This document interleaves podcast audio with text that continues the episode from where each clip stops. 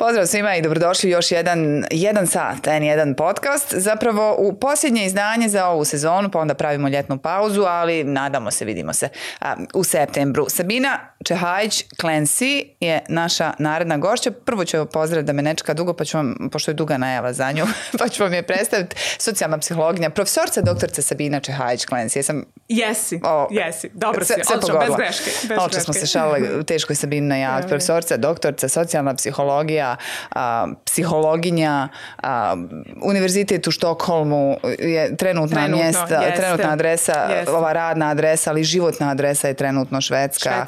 Žena sa jednim onako vrlo impresivnim međunarodnim obrazovanjem, a, ali bosanka, mislim da može sad malo zvučiti onako patetično, ali iskreno stvarno, bosanka od glave do pete. Bez obzira gdje živi. Itekako. ja se, ja uvijek kažem, ja sam puno puta odlazila iz Bosne E, nekada, e, jeli, što, što smo morali da idemo, a nekada sam i birala, jeli, zbog obrazovanja. To je najčešće bio, jeli, obrazovanje koje mene vodilo, ali sam se svaki put vraćala.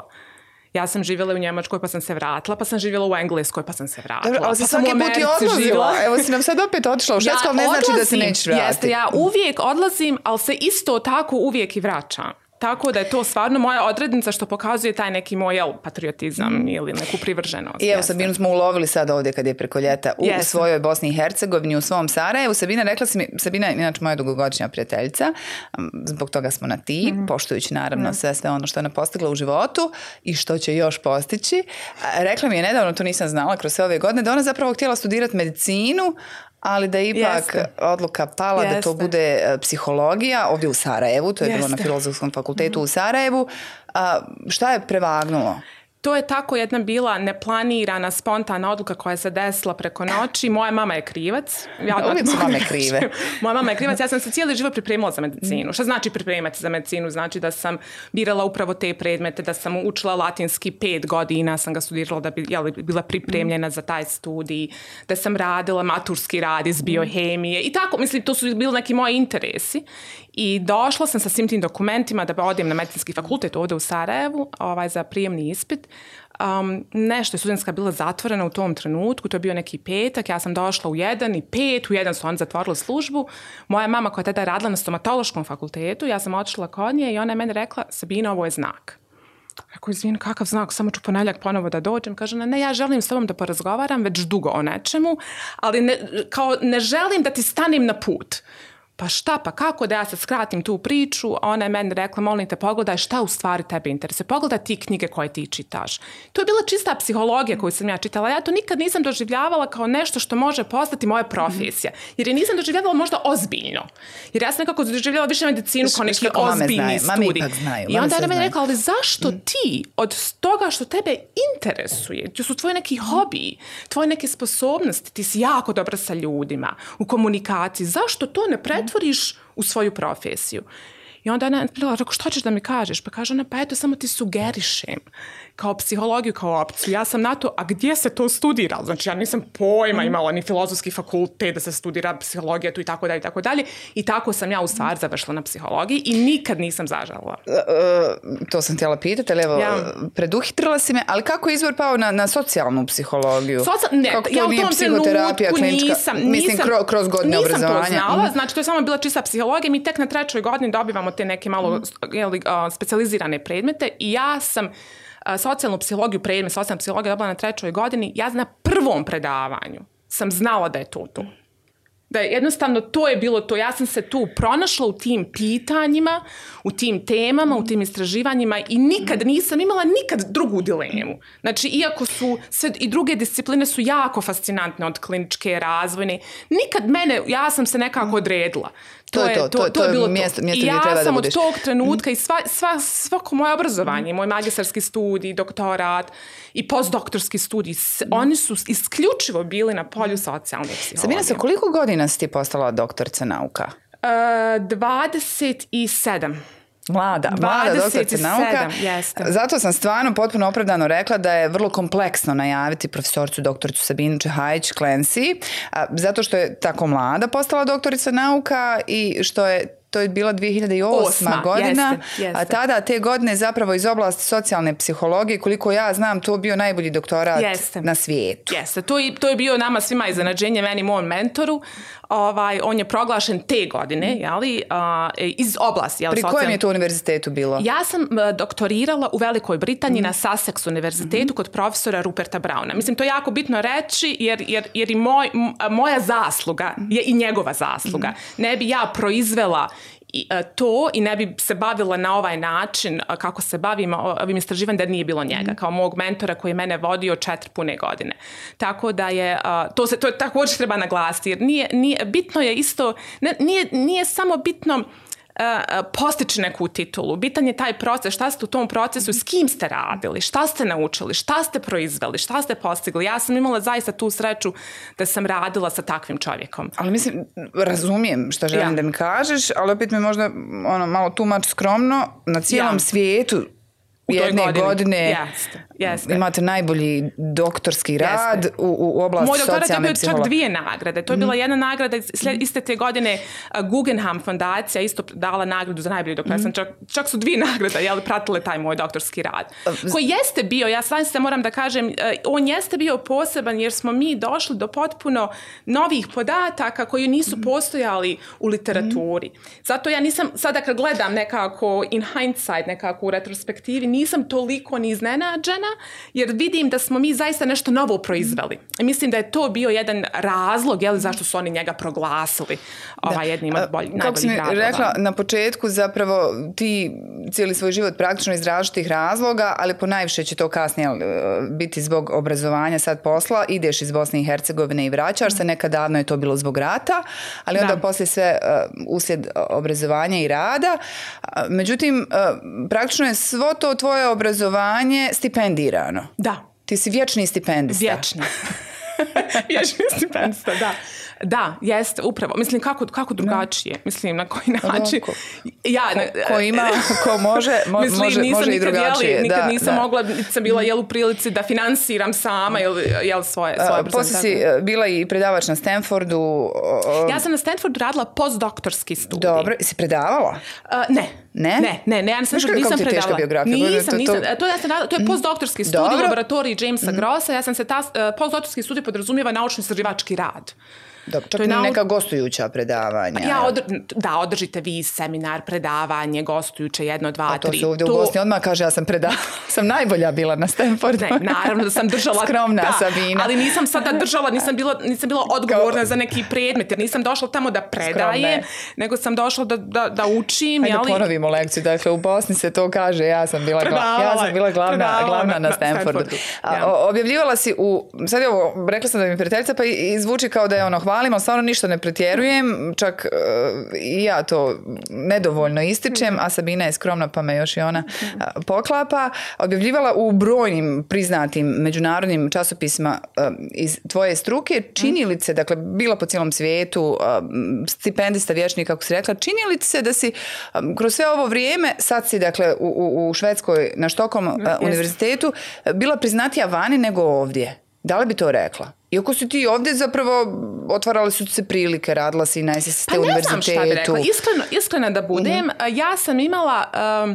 jako lijepo iskustvo ovdje u Bosni i mhm. Hercegovini. Uh, ja sam na neki način regrutovana od strane privatnog fakulteta, odnosno profesora Ganića, i ja sam radila tamo 12 punih godina. I moje iskustvo je prijatno. Prijatno u smislu da je meni data prilika ovdje da i sloboda ne znam kako drugačije, da se, možda, možda sam ja imala sam neki minimum očekivanja, možda su moji kriteriji bili niski ovdje, ali sam imala slobodu da se razvijam, niko mi nije, bio, niko mi nije stajao na putu. Uspjela si napraviti neke prilično velike stvari. Uspjeli smo mi zajednički napraviti mhm. upravo velike stvari, tako da e, moje iskustvo je jako pozitivno ovdje, ali to je, ja moramo e, e, reći i naglasiti, ja sam radila u jednoj privat, na privatnom univerzitetu.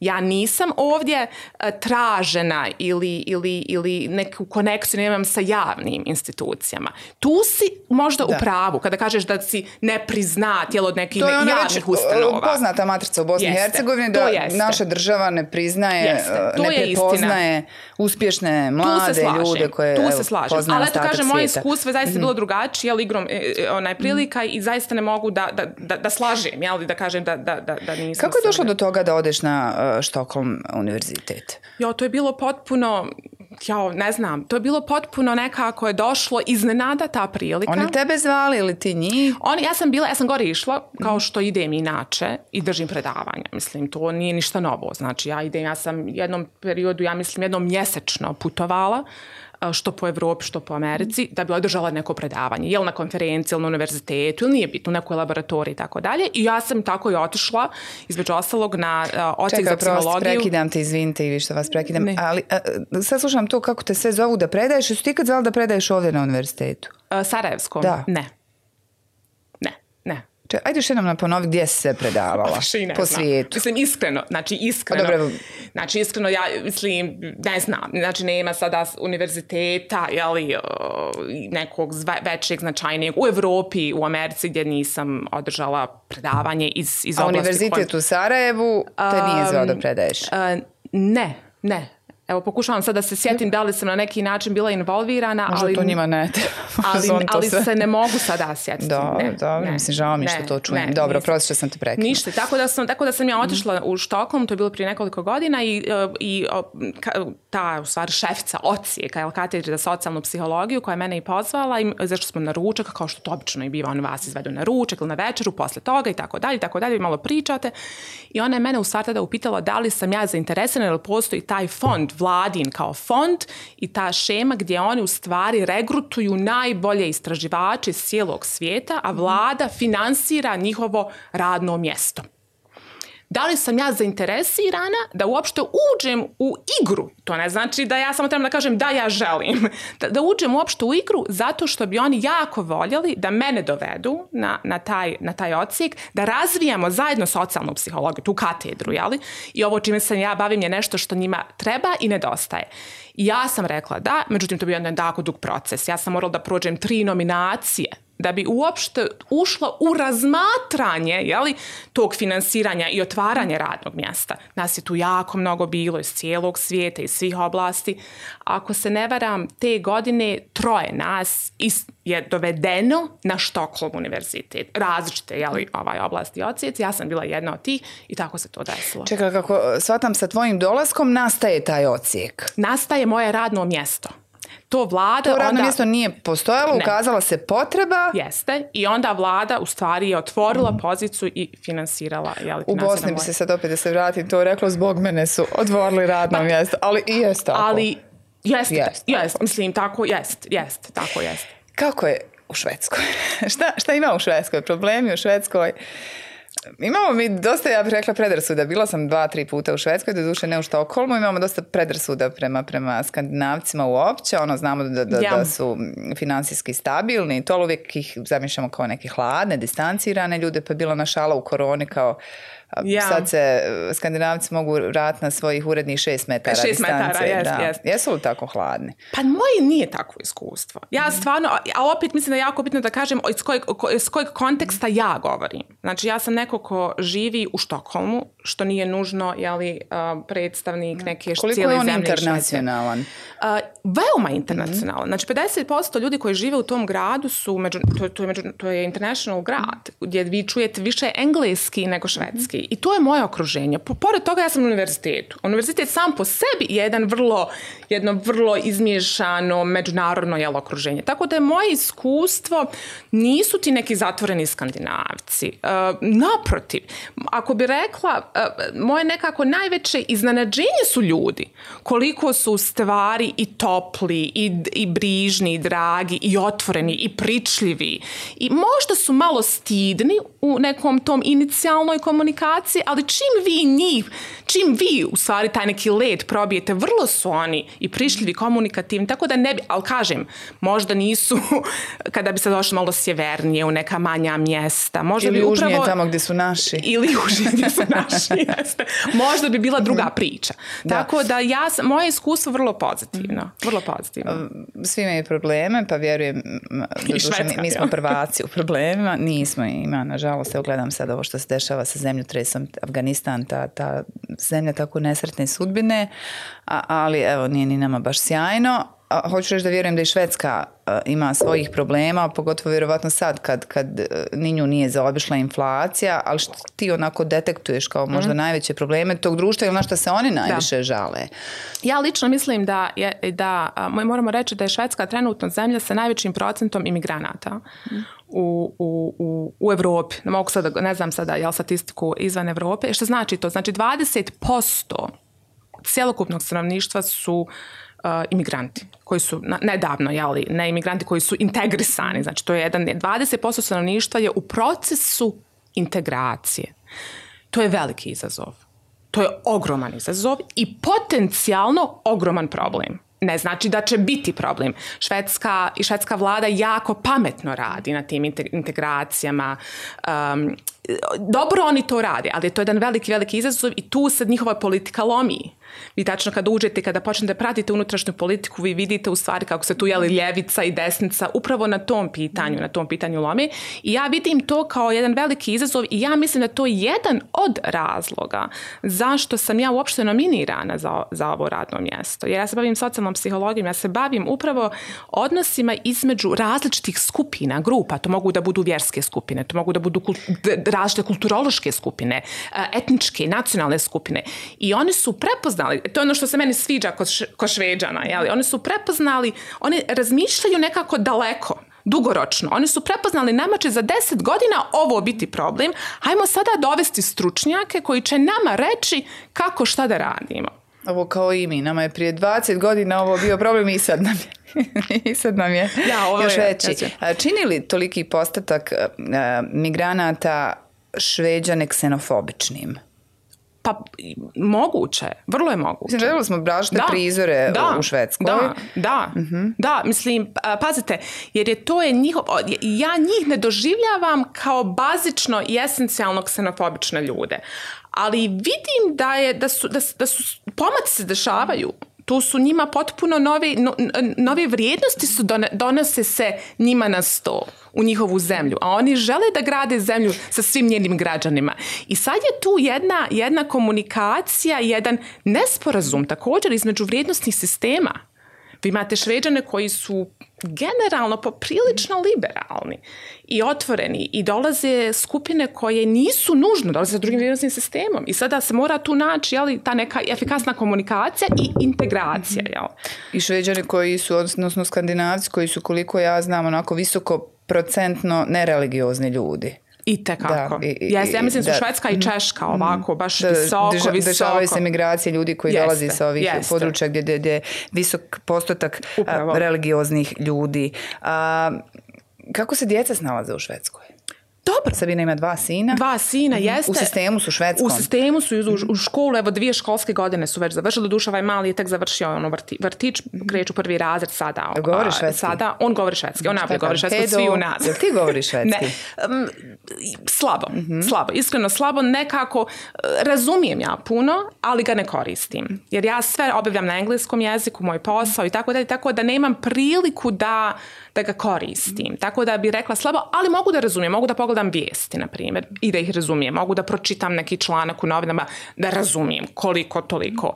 Ali ga ne govorim. Um, mlađi govori savršeno, on je u vrtiću, tako je to vrlo brzo se desilo. Stari sin koji je sad završio šesti razred, ide to još polako. Mhm. Nije on to još doveo na neki nivo koji je onaj, kao što ovaj mlađi, ali ide to. Kad spominješ vijesti, ali ipak i dalje i kako gledaš domaće vijesti i N1 Naravno, naravno. da uvijek gledamo dan mhm. uživo sa djecom. I tako država mi njihov I bosanski dan uživo. Pa nekako moraju nužno jer kad upalim taj streaming. tako. dobro. ali ne, jako mi je mhm. isto bitno da budu izloženi bosanskom jeziku, da, ne samo kroz mene, nego tako da gledamo i vijesti, i da čuju, da čuju taj Relativno često dolaziš. E, znam da, da si to tako e, da. i htjela e, Upravo. da ti bude raspoređeno radno vrijeme na način da možete i ti i djece dolaziti ovdje.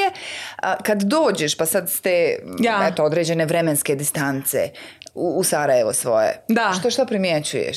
Jo, nekako ja se odmah uklop. Nekako, kao da, nikad nisam odšla. A kao da doživljavam neki progres? U prošloj uh, epizodi, u prošloj mjeseci smo pričali sa Dinom Ustavićem kako, kako je malo živnulo u smislu kulture, dešavanja dešavanja, da, da sad ima i kao nekog izbora u gradu, dešava se i ta kultura na ulicama, ali sad ne znam je li to baš tih razmjera da bi evo ti mogla... Da bi se ovako moglo golim okom vidjeti. Da, i, da ti možeš zaključiti kako ono, dešava se nekakav napredak. Pa ja sam vrlo optimistična osoba po prirodi i onda ja vidim stvari koje, ne, i odgovor. i ne postoje. Dobro. Što ću reći? Ja uvijek vidim progres. Dobro. I uvijek vidim potencijal. A kad se malo u objektiviš... um, pa nekako eh, na, pa ne znam, eh, kada, kada dođete iz, iz, iz Švedske, iz jedne zemlje, iz jednog grada koji je toliko uređen, toliko sređen, mi morate u prvi par dana sed, sedmicu primijetiti stvari koje ovdje nisu okej. Okay. E kakve, ajde, šta u Švedskoj? Pa mislim morate primijetiti od, od, upravo od mhm. čistoće do, do, do nekog vanjskog uređenja, nekako, nekako nekako e, sad ja poredim jel sa švedskom, možda to nije sada zahvalan primjer za porediti. Neka, odmah sa najboljim. ali, ali je nekako, Štoklom je, to, je prelijep grad. To je za oči lijepo mjesto. Sve je lijepo. Ljudi su lijepi, ulice su lijepe, parkovi su lijepi, ona bicikla koju oni voze su lijepa. Mhm. Mislim, sve. Jednostavno, i ja mislim da to nije slučajno. Ja mislim da se tamo, da je to jedna vrijednost, ta estetika mhm. je jedna vrijednost koja je zaista visoko rangirana u njihovom nekoj sferi vrijednosnog sistema i oni zaista to potenciraju i njeguju i vi se zaista naviknete na jednu ljepotu. Ja kad kažem vanjsku ljepotu, ja govorim jel o vanjskoj ja, to, ja od, odmah to primijetim.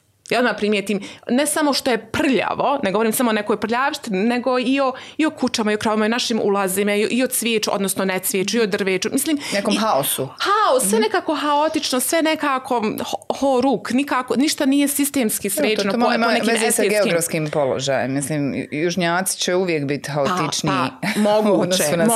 ali, možemo se primijeti. Popraviti, to, je, to je prva stvar mhm. možda koja se primijeti. Mhm. Ali nekako se ja već kroz dva, tri dana, naravno, mislim... Adaptiram. Adaptiram. I super mi je. Tako da me ovo postane najljepši grad na svijetu.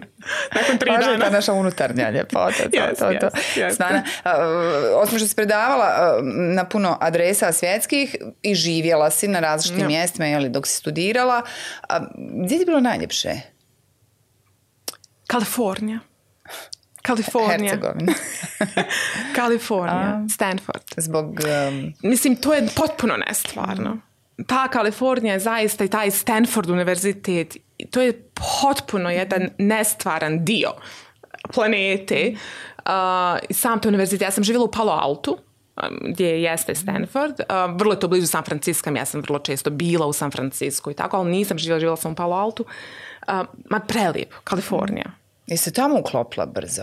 Ma jesam, mislim... Ma mislim, ja sam, ja sam više, ja, ja jesam po prirodi ta neki, i po obrazovanju, ta mhm. neki anglo, jeli, tip, tako da meni Amerika, Velika Britanija, i, pa i Skandinavije na kraju mhm. krajeva, vrlo lako liježu, puno više nego kontinentalne ove e, zemlje, na primjer Njemačka, Češka, Austrija. Ja ne znam mhm. koliko bi se ja u kontinentalnu Europi sa ovim mhm. nekim uklopila. Ovo, ovaj više neki otvoreni anglo-morski moment meni jako prija. Sreća pa se zahvaljujući svom obrazovanju i ulaganju stvorila sebi priliku da, da biraš da te zovu i da evo sad u ovom trenutku se ocijek napravi zbog tebe.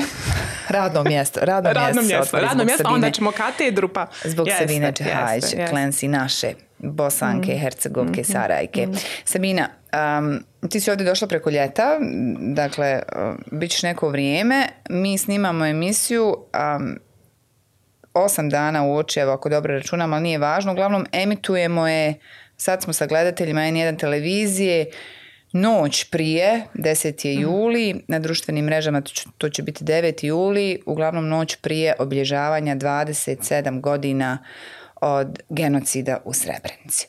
Tvoje polje ekspertize je ako tako mogu prosti, oprosti, mm. unaprijed suočavanje s prošlošću. Mnogo se istraživala i radila na tom pojmu kolektivne odgovornosti Ajde prvo da malo otkrijemo gledateljima kad je zapravo sve to nastalo kako je nastalo tvoje interesovanje koji su bili neki mm. početni projekti, a koji su sad aktivni projekti mm. e, na polju mm. suočavanja s prošlošću?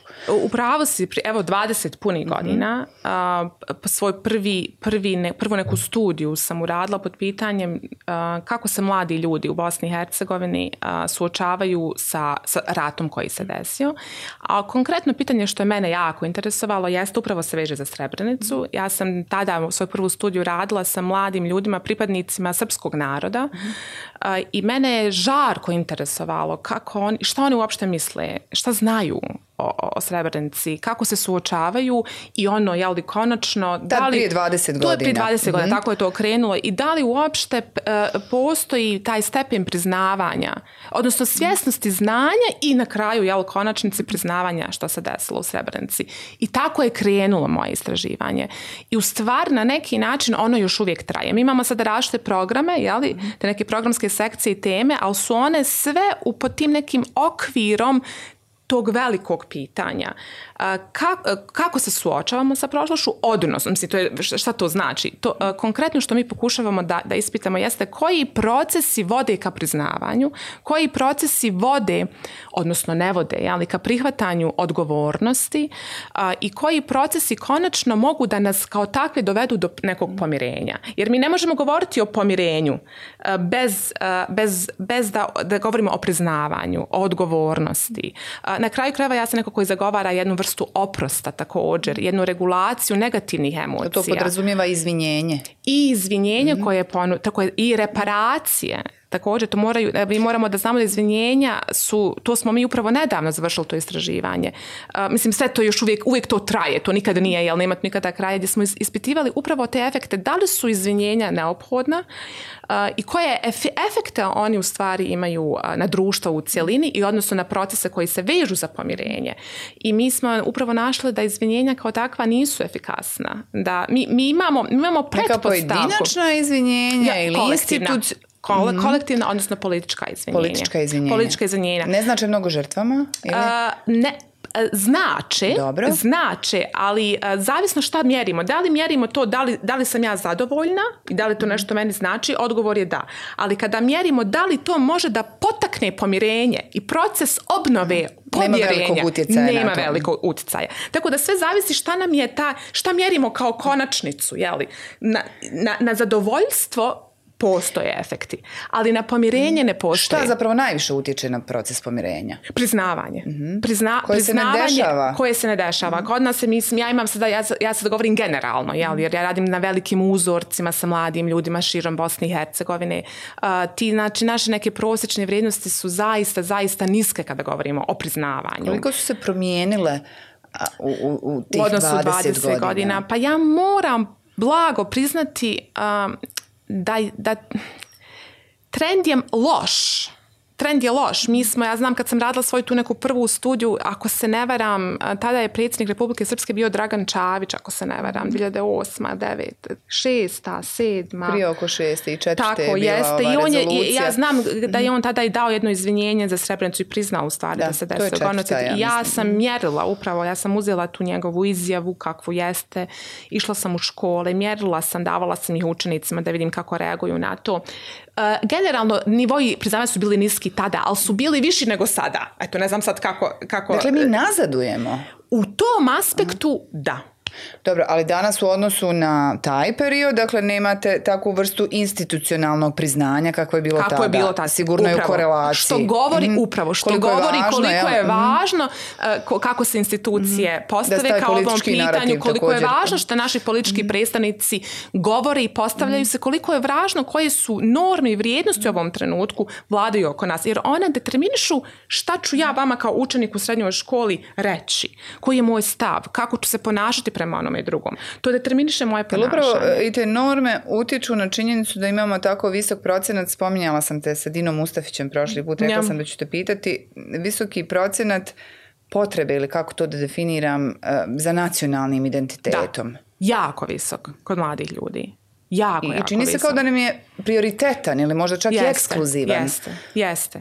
nažalost mhm. jeste. Nažalost, Zbog tog jeste. narativa i političkog ambijenta. Jeste. Mhm. mi 30 godina živimo gdje živimo i to i ne možemo da, da, da, da, ne možemo biti iznenađeni na neki način da, smo, da sad imamo generacije kojima je to bitno. Koji su, su rasli upravo u tom duhu, jel u tom duhu te neke prijetnje i značaja mhm. tih identiteta koji, koji su Ali ono što meni zauvijek ostaje nejasno Dakle, potpuno razumijem. Dakle, ja. 30 godina živimo u takvom ambijentu. Ali isto tako, 30 godina živimo u zemlji koja je siromašna, sa mnogo nezaposlenih, sa niskim primanjima. Evo sad nas opet tuče, doduše kao i ostatak svijeta, ali mi smo ono dugoročno napaćeni.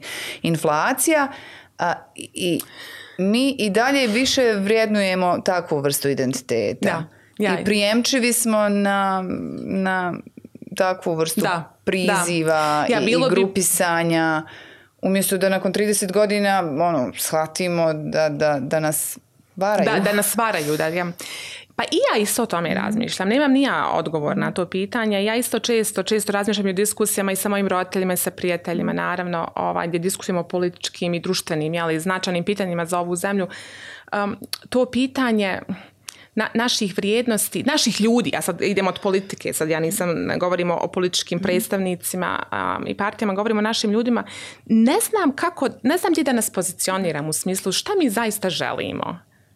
Koji, koji su Nekad mi se čini, ne znam, sad naravno ću da pogrišim jer ovo je čista jedna observacija. Da, ali, da. ali nekad mi se čini da, nemamo, da nismo ambiciozni. Mhm. Da smo nekako zadovoljni i sa malim da, da, da, da u redu je, ok je, ok je jeste teško, jeste skupo, ali ok, jer može i gore. Mi smo odrastali da su tako, da, trebamo biti, zato su bili jeste, hvale vrijedne osobine, jeste. da budeš zadovoljan, što sad nisu više. Nekako smo spustili kriterije mhm. vlastitih, vlastitih, a i društvenih očekivanja. Mhm. I zadovoljavamo se sa manjim i malim. I nekako, pa i od samih sebe. I od samih sebe. I nismo, do, to je sad neko moje, moje trebamo da budemo više ambiciozni. Trebamo da grabimo i tražimo i očekujemo očekujemo više od sebe. Ne govorim ja mhm. samo od vlasti. Ja govorim mhm. počevši od sebe. Tražiti, očekovati od sebe i onda od drugih, naravno. Nekako mi djelujemo sad, naravno, nego možemo sad sve mhm. strpati u jedan koš, jer ja sam isto dio ovog koša na kraju krajeva.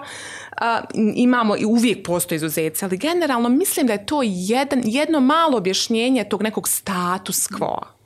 Kao da smo i letargični. Malo, malo. Mhm. Naravno, razumljivo je to naša i letargija i, i to neko, i nepovjerenje. Ogromno je nepovjerenje. Nepovjerenje u drugog i nepovjerenje da sutra može biti bolje. Nepovjerenje u institucije i to nepovjerenje je podupirano godinama, mhm. decenijama ovdje. Tako da ja razumijem zašto ono postoji, ali to je problem. Problem je i tu u kombinaciji nekako stalno imam osjećaj da se valjamo u, u, u istom ambijentu konstantno. A vraću se opet na ovu visoku stopu a, e, potrebe. Definiraj mi to kako e, se pravilno kaže za nacionalnim identifikacijom. Jeste, identifikacija. ne znam jel e, ja. s potrebom tu kao terminom dobro baratam. A opet, iako sam ja konstatovala zašto ako smo tako siromašni i, i tako patimo kao društvo, ne odgovorimo drugačije, ali možda to zapravo jeste karakteristika siromašnih zemalja da, da, da imaju takvu visoku, ne znam šta pokazuju ako su istraživanja ja. se doticala i toga, takvu visoku stopu nacionalne identifikacije. Moguće. Možda ja, Nije to samo nužno mhm. Za, za, našu zemlju karakteristično. Da. vraću se na Srebrenicu. A, ono što se promijenilo od e, prošle godine, dakle od mm-hmm. 26 godine um, od genocida u Srebrenici je um, izmjena krivičnog zakona koju je nametnuo tadašnji visoki predstavnik Valentin Insko. Um, pitam te kao, kao ženu iz tvoje struke, dakle socijalnog psihologa, koliko je za tebe to bilo važno?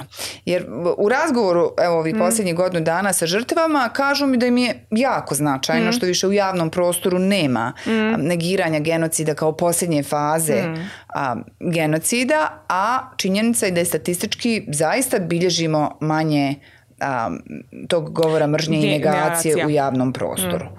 Koliko pa, je to odgovor važno? je već mhm. jako je važno. Ja sam to tada i rekla prije nego što smo imali ovu mhm. statistiku koja govori o nekim pozitivnim efektima mhm. jel, donošenja tog zakona. I tada sam rekla i reći ću sada to jako bitno. Jako su bitni zakonski okviri ja, jer oni iz njih prosijava se, iz njih ide sve ono ka, ka dole. Jeli? Šta mislimo, kako se odnosimo, šta govorimo, šta ne govorimo, kako se ponašamo, kako se ne ponašamo. Izuzetno je to bitno. To što su neki zagovarali da to može da doprinese dodatnom povećanju tenzija, to stoji, ali ne možemo mi iz straha nekog da se neke tenzije još više povećavaju ne raditi pravu stvar. A to je upravo bila prava stvar. Tako da mislim da je to jako bitno i nama treba još takvih zakona i nama treba zakonski i sociološko mijenjanje normi i okvira u kojima se mi jeli, ponašamo, živimo.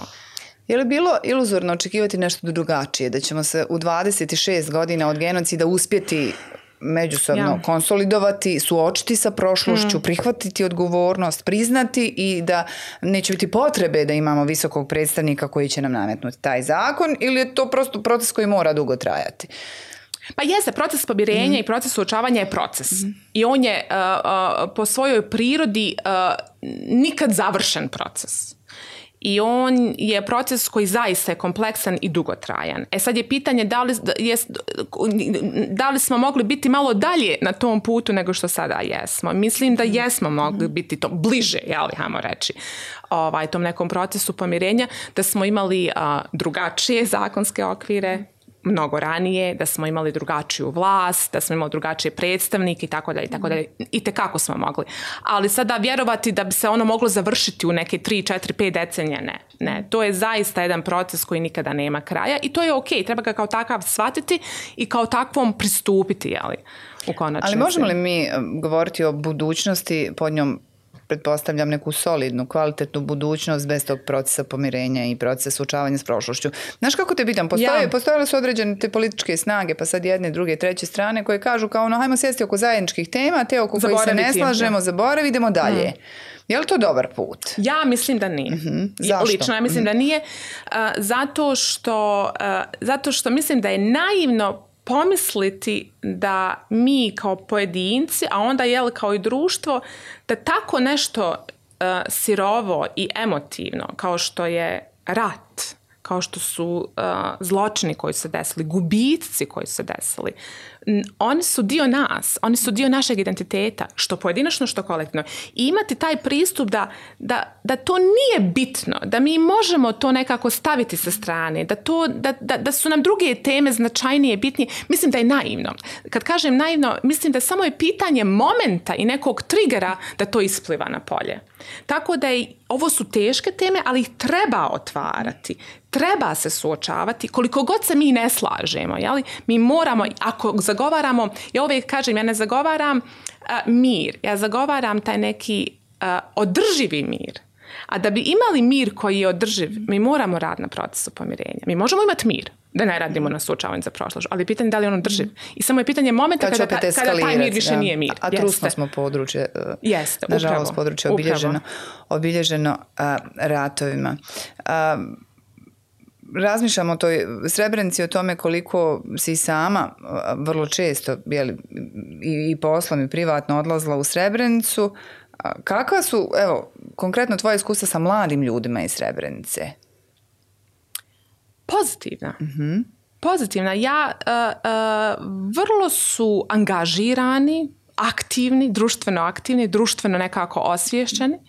E, ja kada radim, radim, mi dovodimo, mi pokušavamo da dovedemo, ne radim ja kao ja, ja radim sa organizacijom postkonfliktnim naučno-istraživačkim centrom koji vodi Velma Šarić, mhm. tako da nije sada ja to radim, ja radim s njima skupa zajedno i oni pokušavaju da dovedu mlade ljude iz različitih etničkih mhm. nacionalnih skupina, čak iz regiona i šire. to su jedna, jedna, e, to su vrlo osviješteni, aktivni i progresivni mladi ljudi. A što je cilj da ih se e, konfrontira, u smislu da ih se dovede u dijalog? Mhm. Jest, Upravo dovođenje znači mladih ljudi koji inicijalno imaju različite stavove. Ja, ja, ja mislim jedno, ti misliš sasvim drugo. E, hajmo sad da se dovedemo za, u jedan dijalog gdje ćemo da razmijenimo te naše stavove mhm. u, sa ciljem da nađemo neki, to se zove taj shared, jeli, to neko podijeljeno, podijeljeno iskustvo, mhm. podijeljeno, podijeljene stavove da kako I sad je to proces, to je jedna intervencija jeli, koju mi implementiramo gdje, dolazi, gdje vodimo ka promjeni stavova, što mojih, što njihovih. Mhm. Jeli.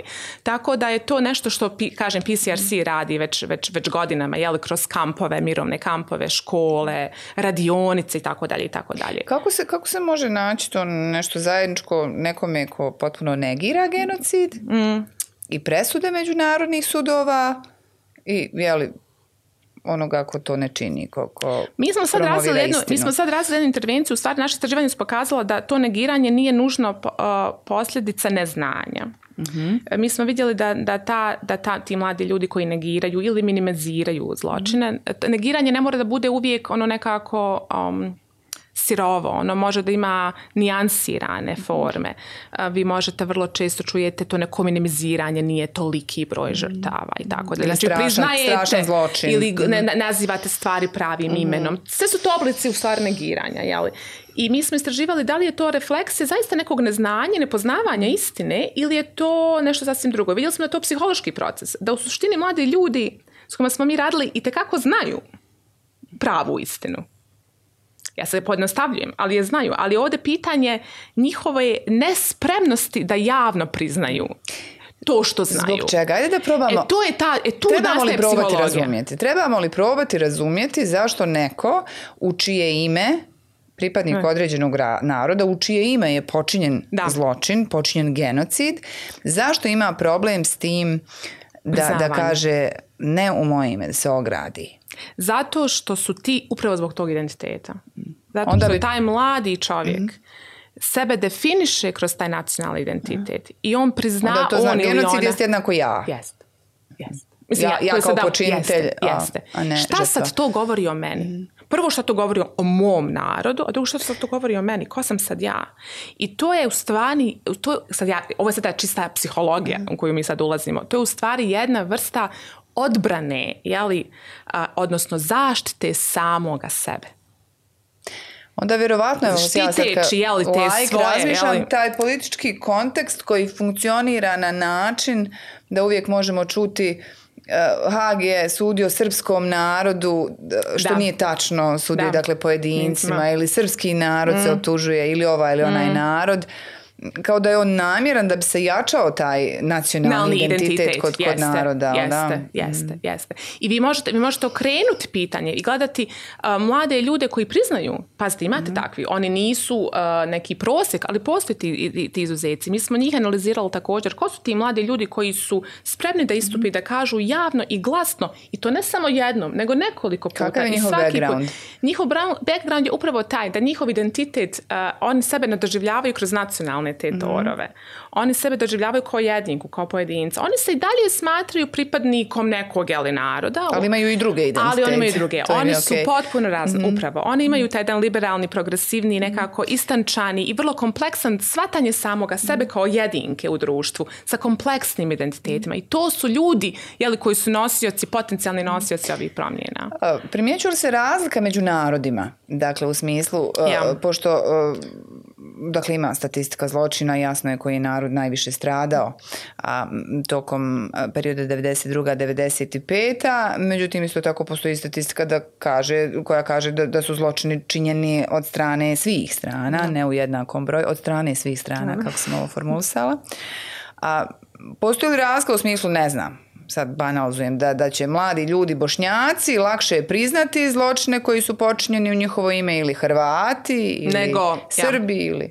Ja, mi smo gledali, e, mhm. pošto mi radimo sa različitim skupinama, istina je to, e, to, što si sada rekla, da je ta, to neko poricanje, ta neka odbrana puno mhm. veća kod, e, kod pripadnika naroda koji nose najveći tereti zločina. To, je negdje, ali, to je i, za očekivati. I mi mhm. smo radili, ono što je meni uvijek bilo jako interesantno, ja kad radim sa mladim ljudima koji sebe smatraju bošnjacima i kojima je mhm. taj identitet jako, jako bitan, njihova otvoren, oni su mnogo otvoreniji i empatičniji prema, na primjer, drugima nego obrnuto. Meni je to uvijek bilo interesantno jer mhm. sam uvijek doživljavala, jer sam uvijek nekako mislila da, da empatiju, da, da veću empatiju treba da imamo za one koji su, koji su žrtve Mm. A mi smo uvijek nalazili e, puno viši nivo empatije kod onih koji su žrtve. Mm. Neobično ti dakle da narod koji je bio najveća znači, e, žrtva pa, u stvari da pokazuje najveću empatiju za patnje, empatiju za patnju mhm. svi, u nas. To mi je primjer bilo ovako interesantno, mhm. ako ćemo sad poredimo jel, mhm. te neke kolektivitete ovaj, koje, koje nismo očekivali. Tako da je ovaj, postoje, postoje neke zajedničke odrednice, a naravno sada možemo kada počnemo da poredimo jeli, unutar jedne zemlje možemo i kroz kulturalno, jel da poredimo, vidimo onda neke razlike također. Ali te su razlike u nekim nivoima, ali mehanizmi, procesi, psihologija, oni su univerzalni. Što misliš koliko je na sve... U, smislu e, sučavanja sa prošlošću i tog procesa pomirenja utjecala činjenica da pred domaćim sudovima nismo pravovremeno procesuirali bratne zločine. Misliš li da, da bi da se taj posao brže završio da bi jeli, i sad ovaj narativ bio drugačiji. Ne znam. Mhm ne znam, mm. to je bitna odrednica ovog mm. procesa, ali ne znam u mm. smislu da li bi, to, da li bi bili bliže ili dalje nego što sad jesmo. Da. A, hajde malo još nemamo mnogo vremena da se vratimo na tebe i ovu tvoju psihologiju i ovo tvoje zanimanje. mi nekako psihologi uvijek doživljavamo mislim i to je naravno predrasud, ja. evo svjesna sam da to izgovaram, kao, kao ljude koji imaju super moći da, da sve nas ogole prostim okom i koji se stalno bave našom unutrašnjošću analiziraju nas pa smo nekad skloni da ih izbjegavamo. Da ja. li se ti uh, susretala sa takvim stavovima, odnosima prema sebi? Pogotovo od ljudi koje, ono, ne pa, znaš pa, i nisam toliko, mhm. a mislim da je razlog da, što dva psihoterapeut. Prvo, jes, upravo. Ja nisam psihoterapeut, nisam klinički mhm. psiholog, ja sam neko ko se bavi društvenim, psihologijom društvenih procesa, tako da sam ja već nekako odmaknuta mhm. od toga. A i mislim da u sebe tako nekako ne predstavljam i, i ne prodajem se na taj način, tako da nisam imala taj feedback od drugih ljudi kao joj sad ćeš ti mene da pročitaš. Ali s druge strane, mislim da e, je nužno i neminovno je da znam puno. da znam o puno ljudskom ponašanju. o ponašanju, o, o ljudskim emocijama, o regulaciji ljudskih emocija, o identitetu, o tome ko smo, šta jesmo, šta nismo, šta nas čini sretno, zadovoljno, šta ne. Mislim, to je nekako, ali nužno znanje kada ste psiholog, jel'? Ali to nipošto ne znači da ne griješiš. Ma naravno. ne, negdje postoji ta pretpostavka kao ono, kako, psihologi ne, kako, kako ne, mogu upadati u Naprotiv, toliko znamo. psihologe. Ja. E, ja mislim da mi toliko znamo i mhm. da toliko možemo da, da ako su mi išta prigovarali u mom nekom bližem okruženju je bilo to što ja imam opravdanje za, i razumijevanje za sve. Tako da to može da ne ide nužno mm. nama u prilog, jer mi možemo da sve razumijemo. Ja svako mm. ponašanje, ja se moram složiti sa nekim... nema devijacija, sve je okej. Okay, Sve je okej. Mi mhm. samo treba da razumijemo zašto je neko mhm. uradio to što radi, zašto je neko rekao. I tako kad vi sve razumijete, ja znam da je to moje bližnje znalo nekada izluditi, kao pa, mhm. kao možemo li nekad nešto osuditi, a ne stalno razumijevati, razumijevati. Tako da to nije nužno uvijek, na, ne ide nama u prilog.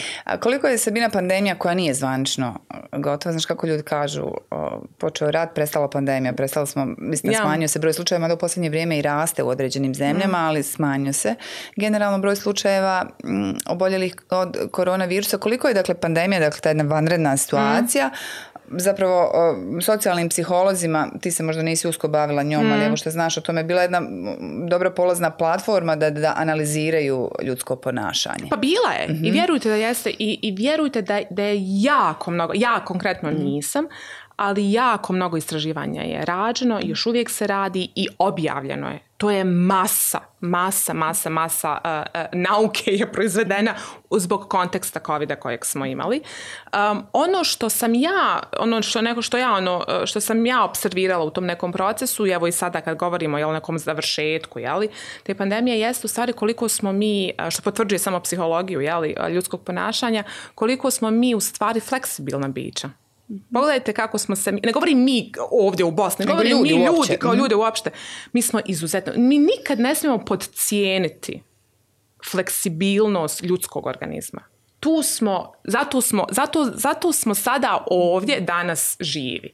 Jer smo mi u stvari potomci onih koji su bili najfleksibilniji jeli, oni koji su bili najsposobniji na neki način. I mi smo ti, jeli, Dok ne dođe neki D virus. Dok ne, dok ne dođe možda neki virus, da. pa sada, mhm. ali hoću da kažem da smo generalno jako izuzetno fleksibilni i šta to znači? Adaptiramo se mnogo brže nego što mislimo da možemo. Mi sada kada zamislimo neku, zamisli sad dođe ponovo neki novi virus ili neka, neka mhm. pandemija ili neka kriza, mi kada razmišljamo, mi sebi, mi sebi ne damo dovoljno credit, sebi ne mhm.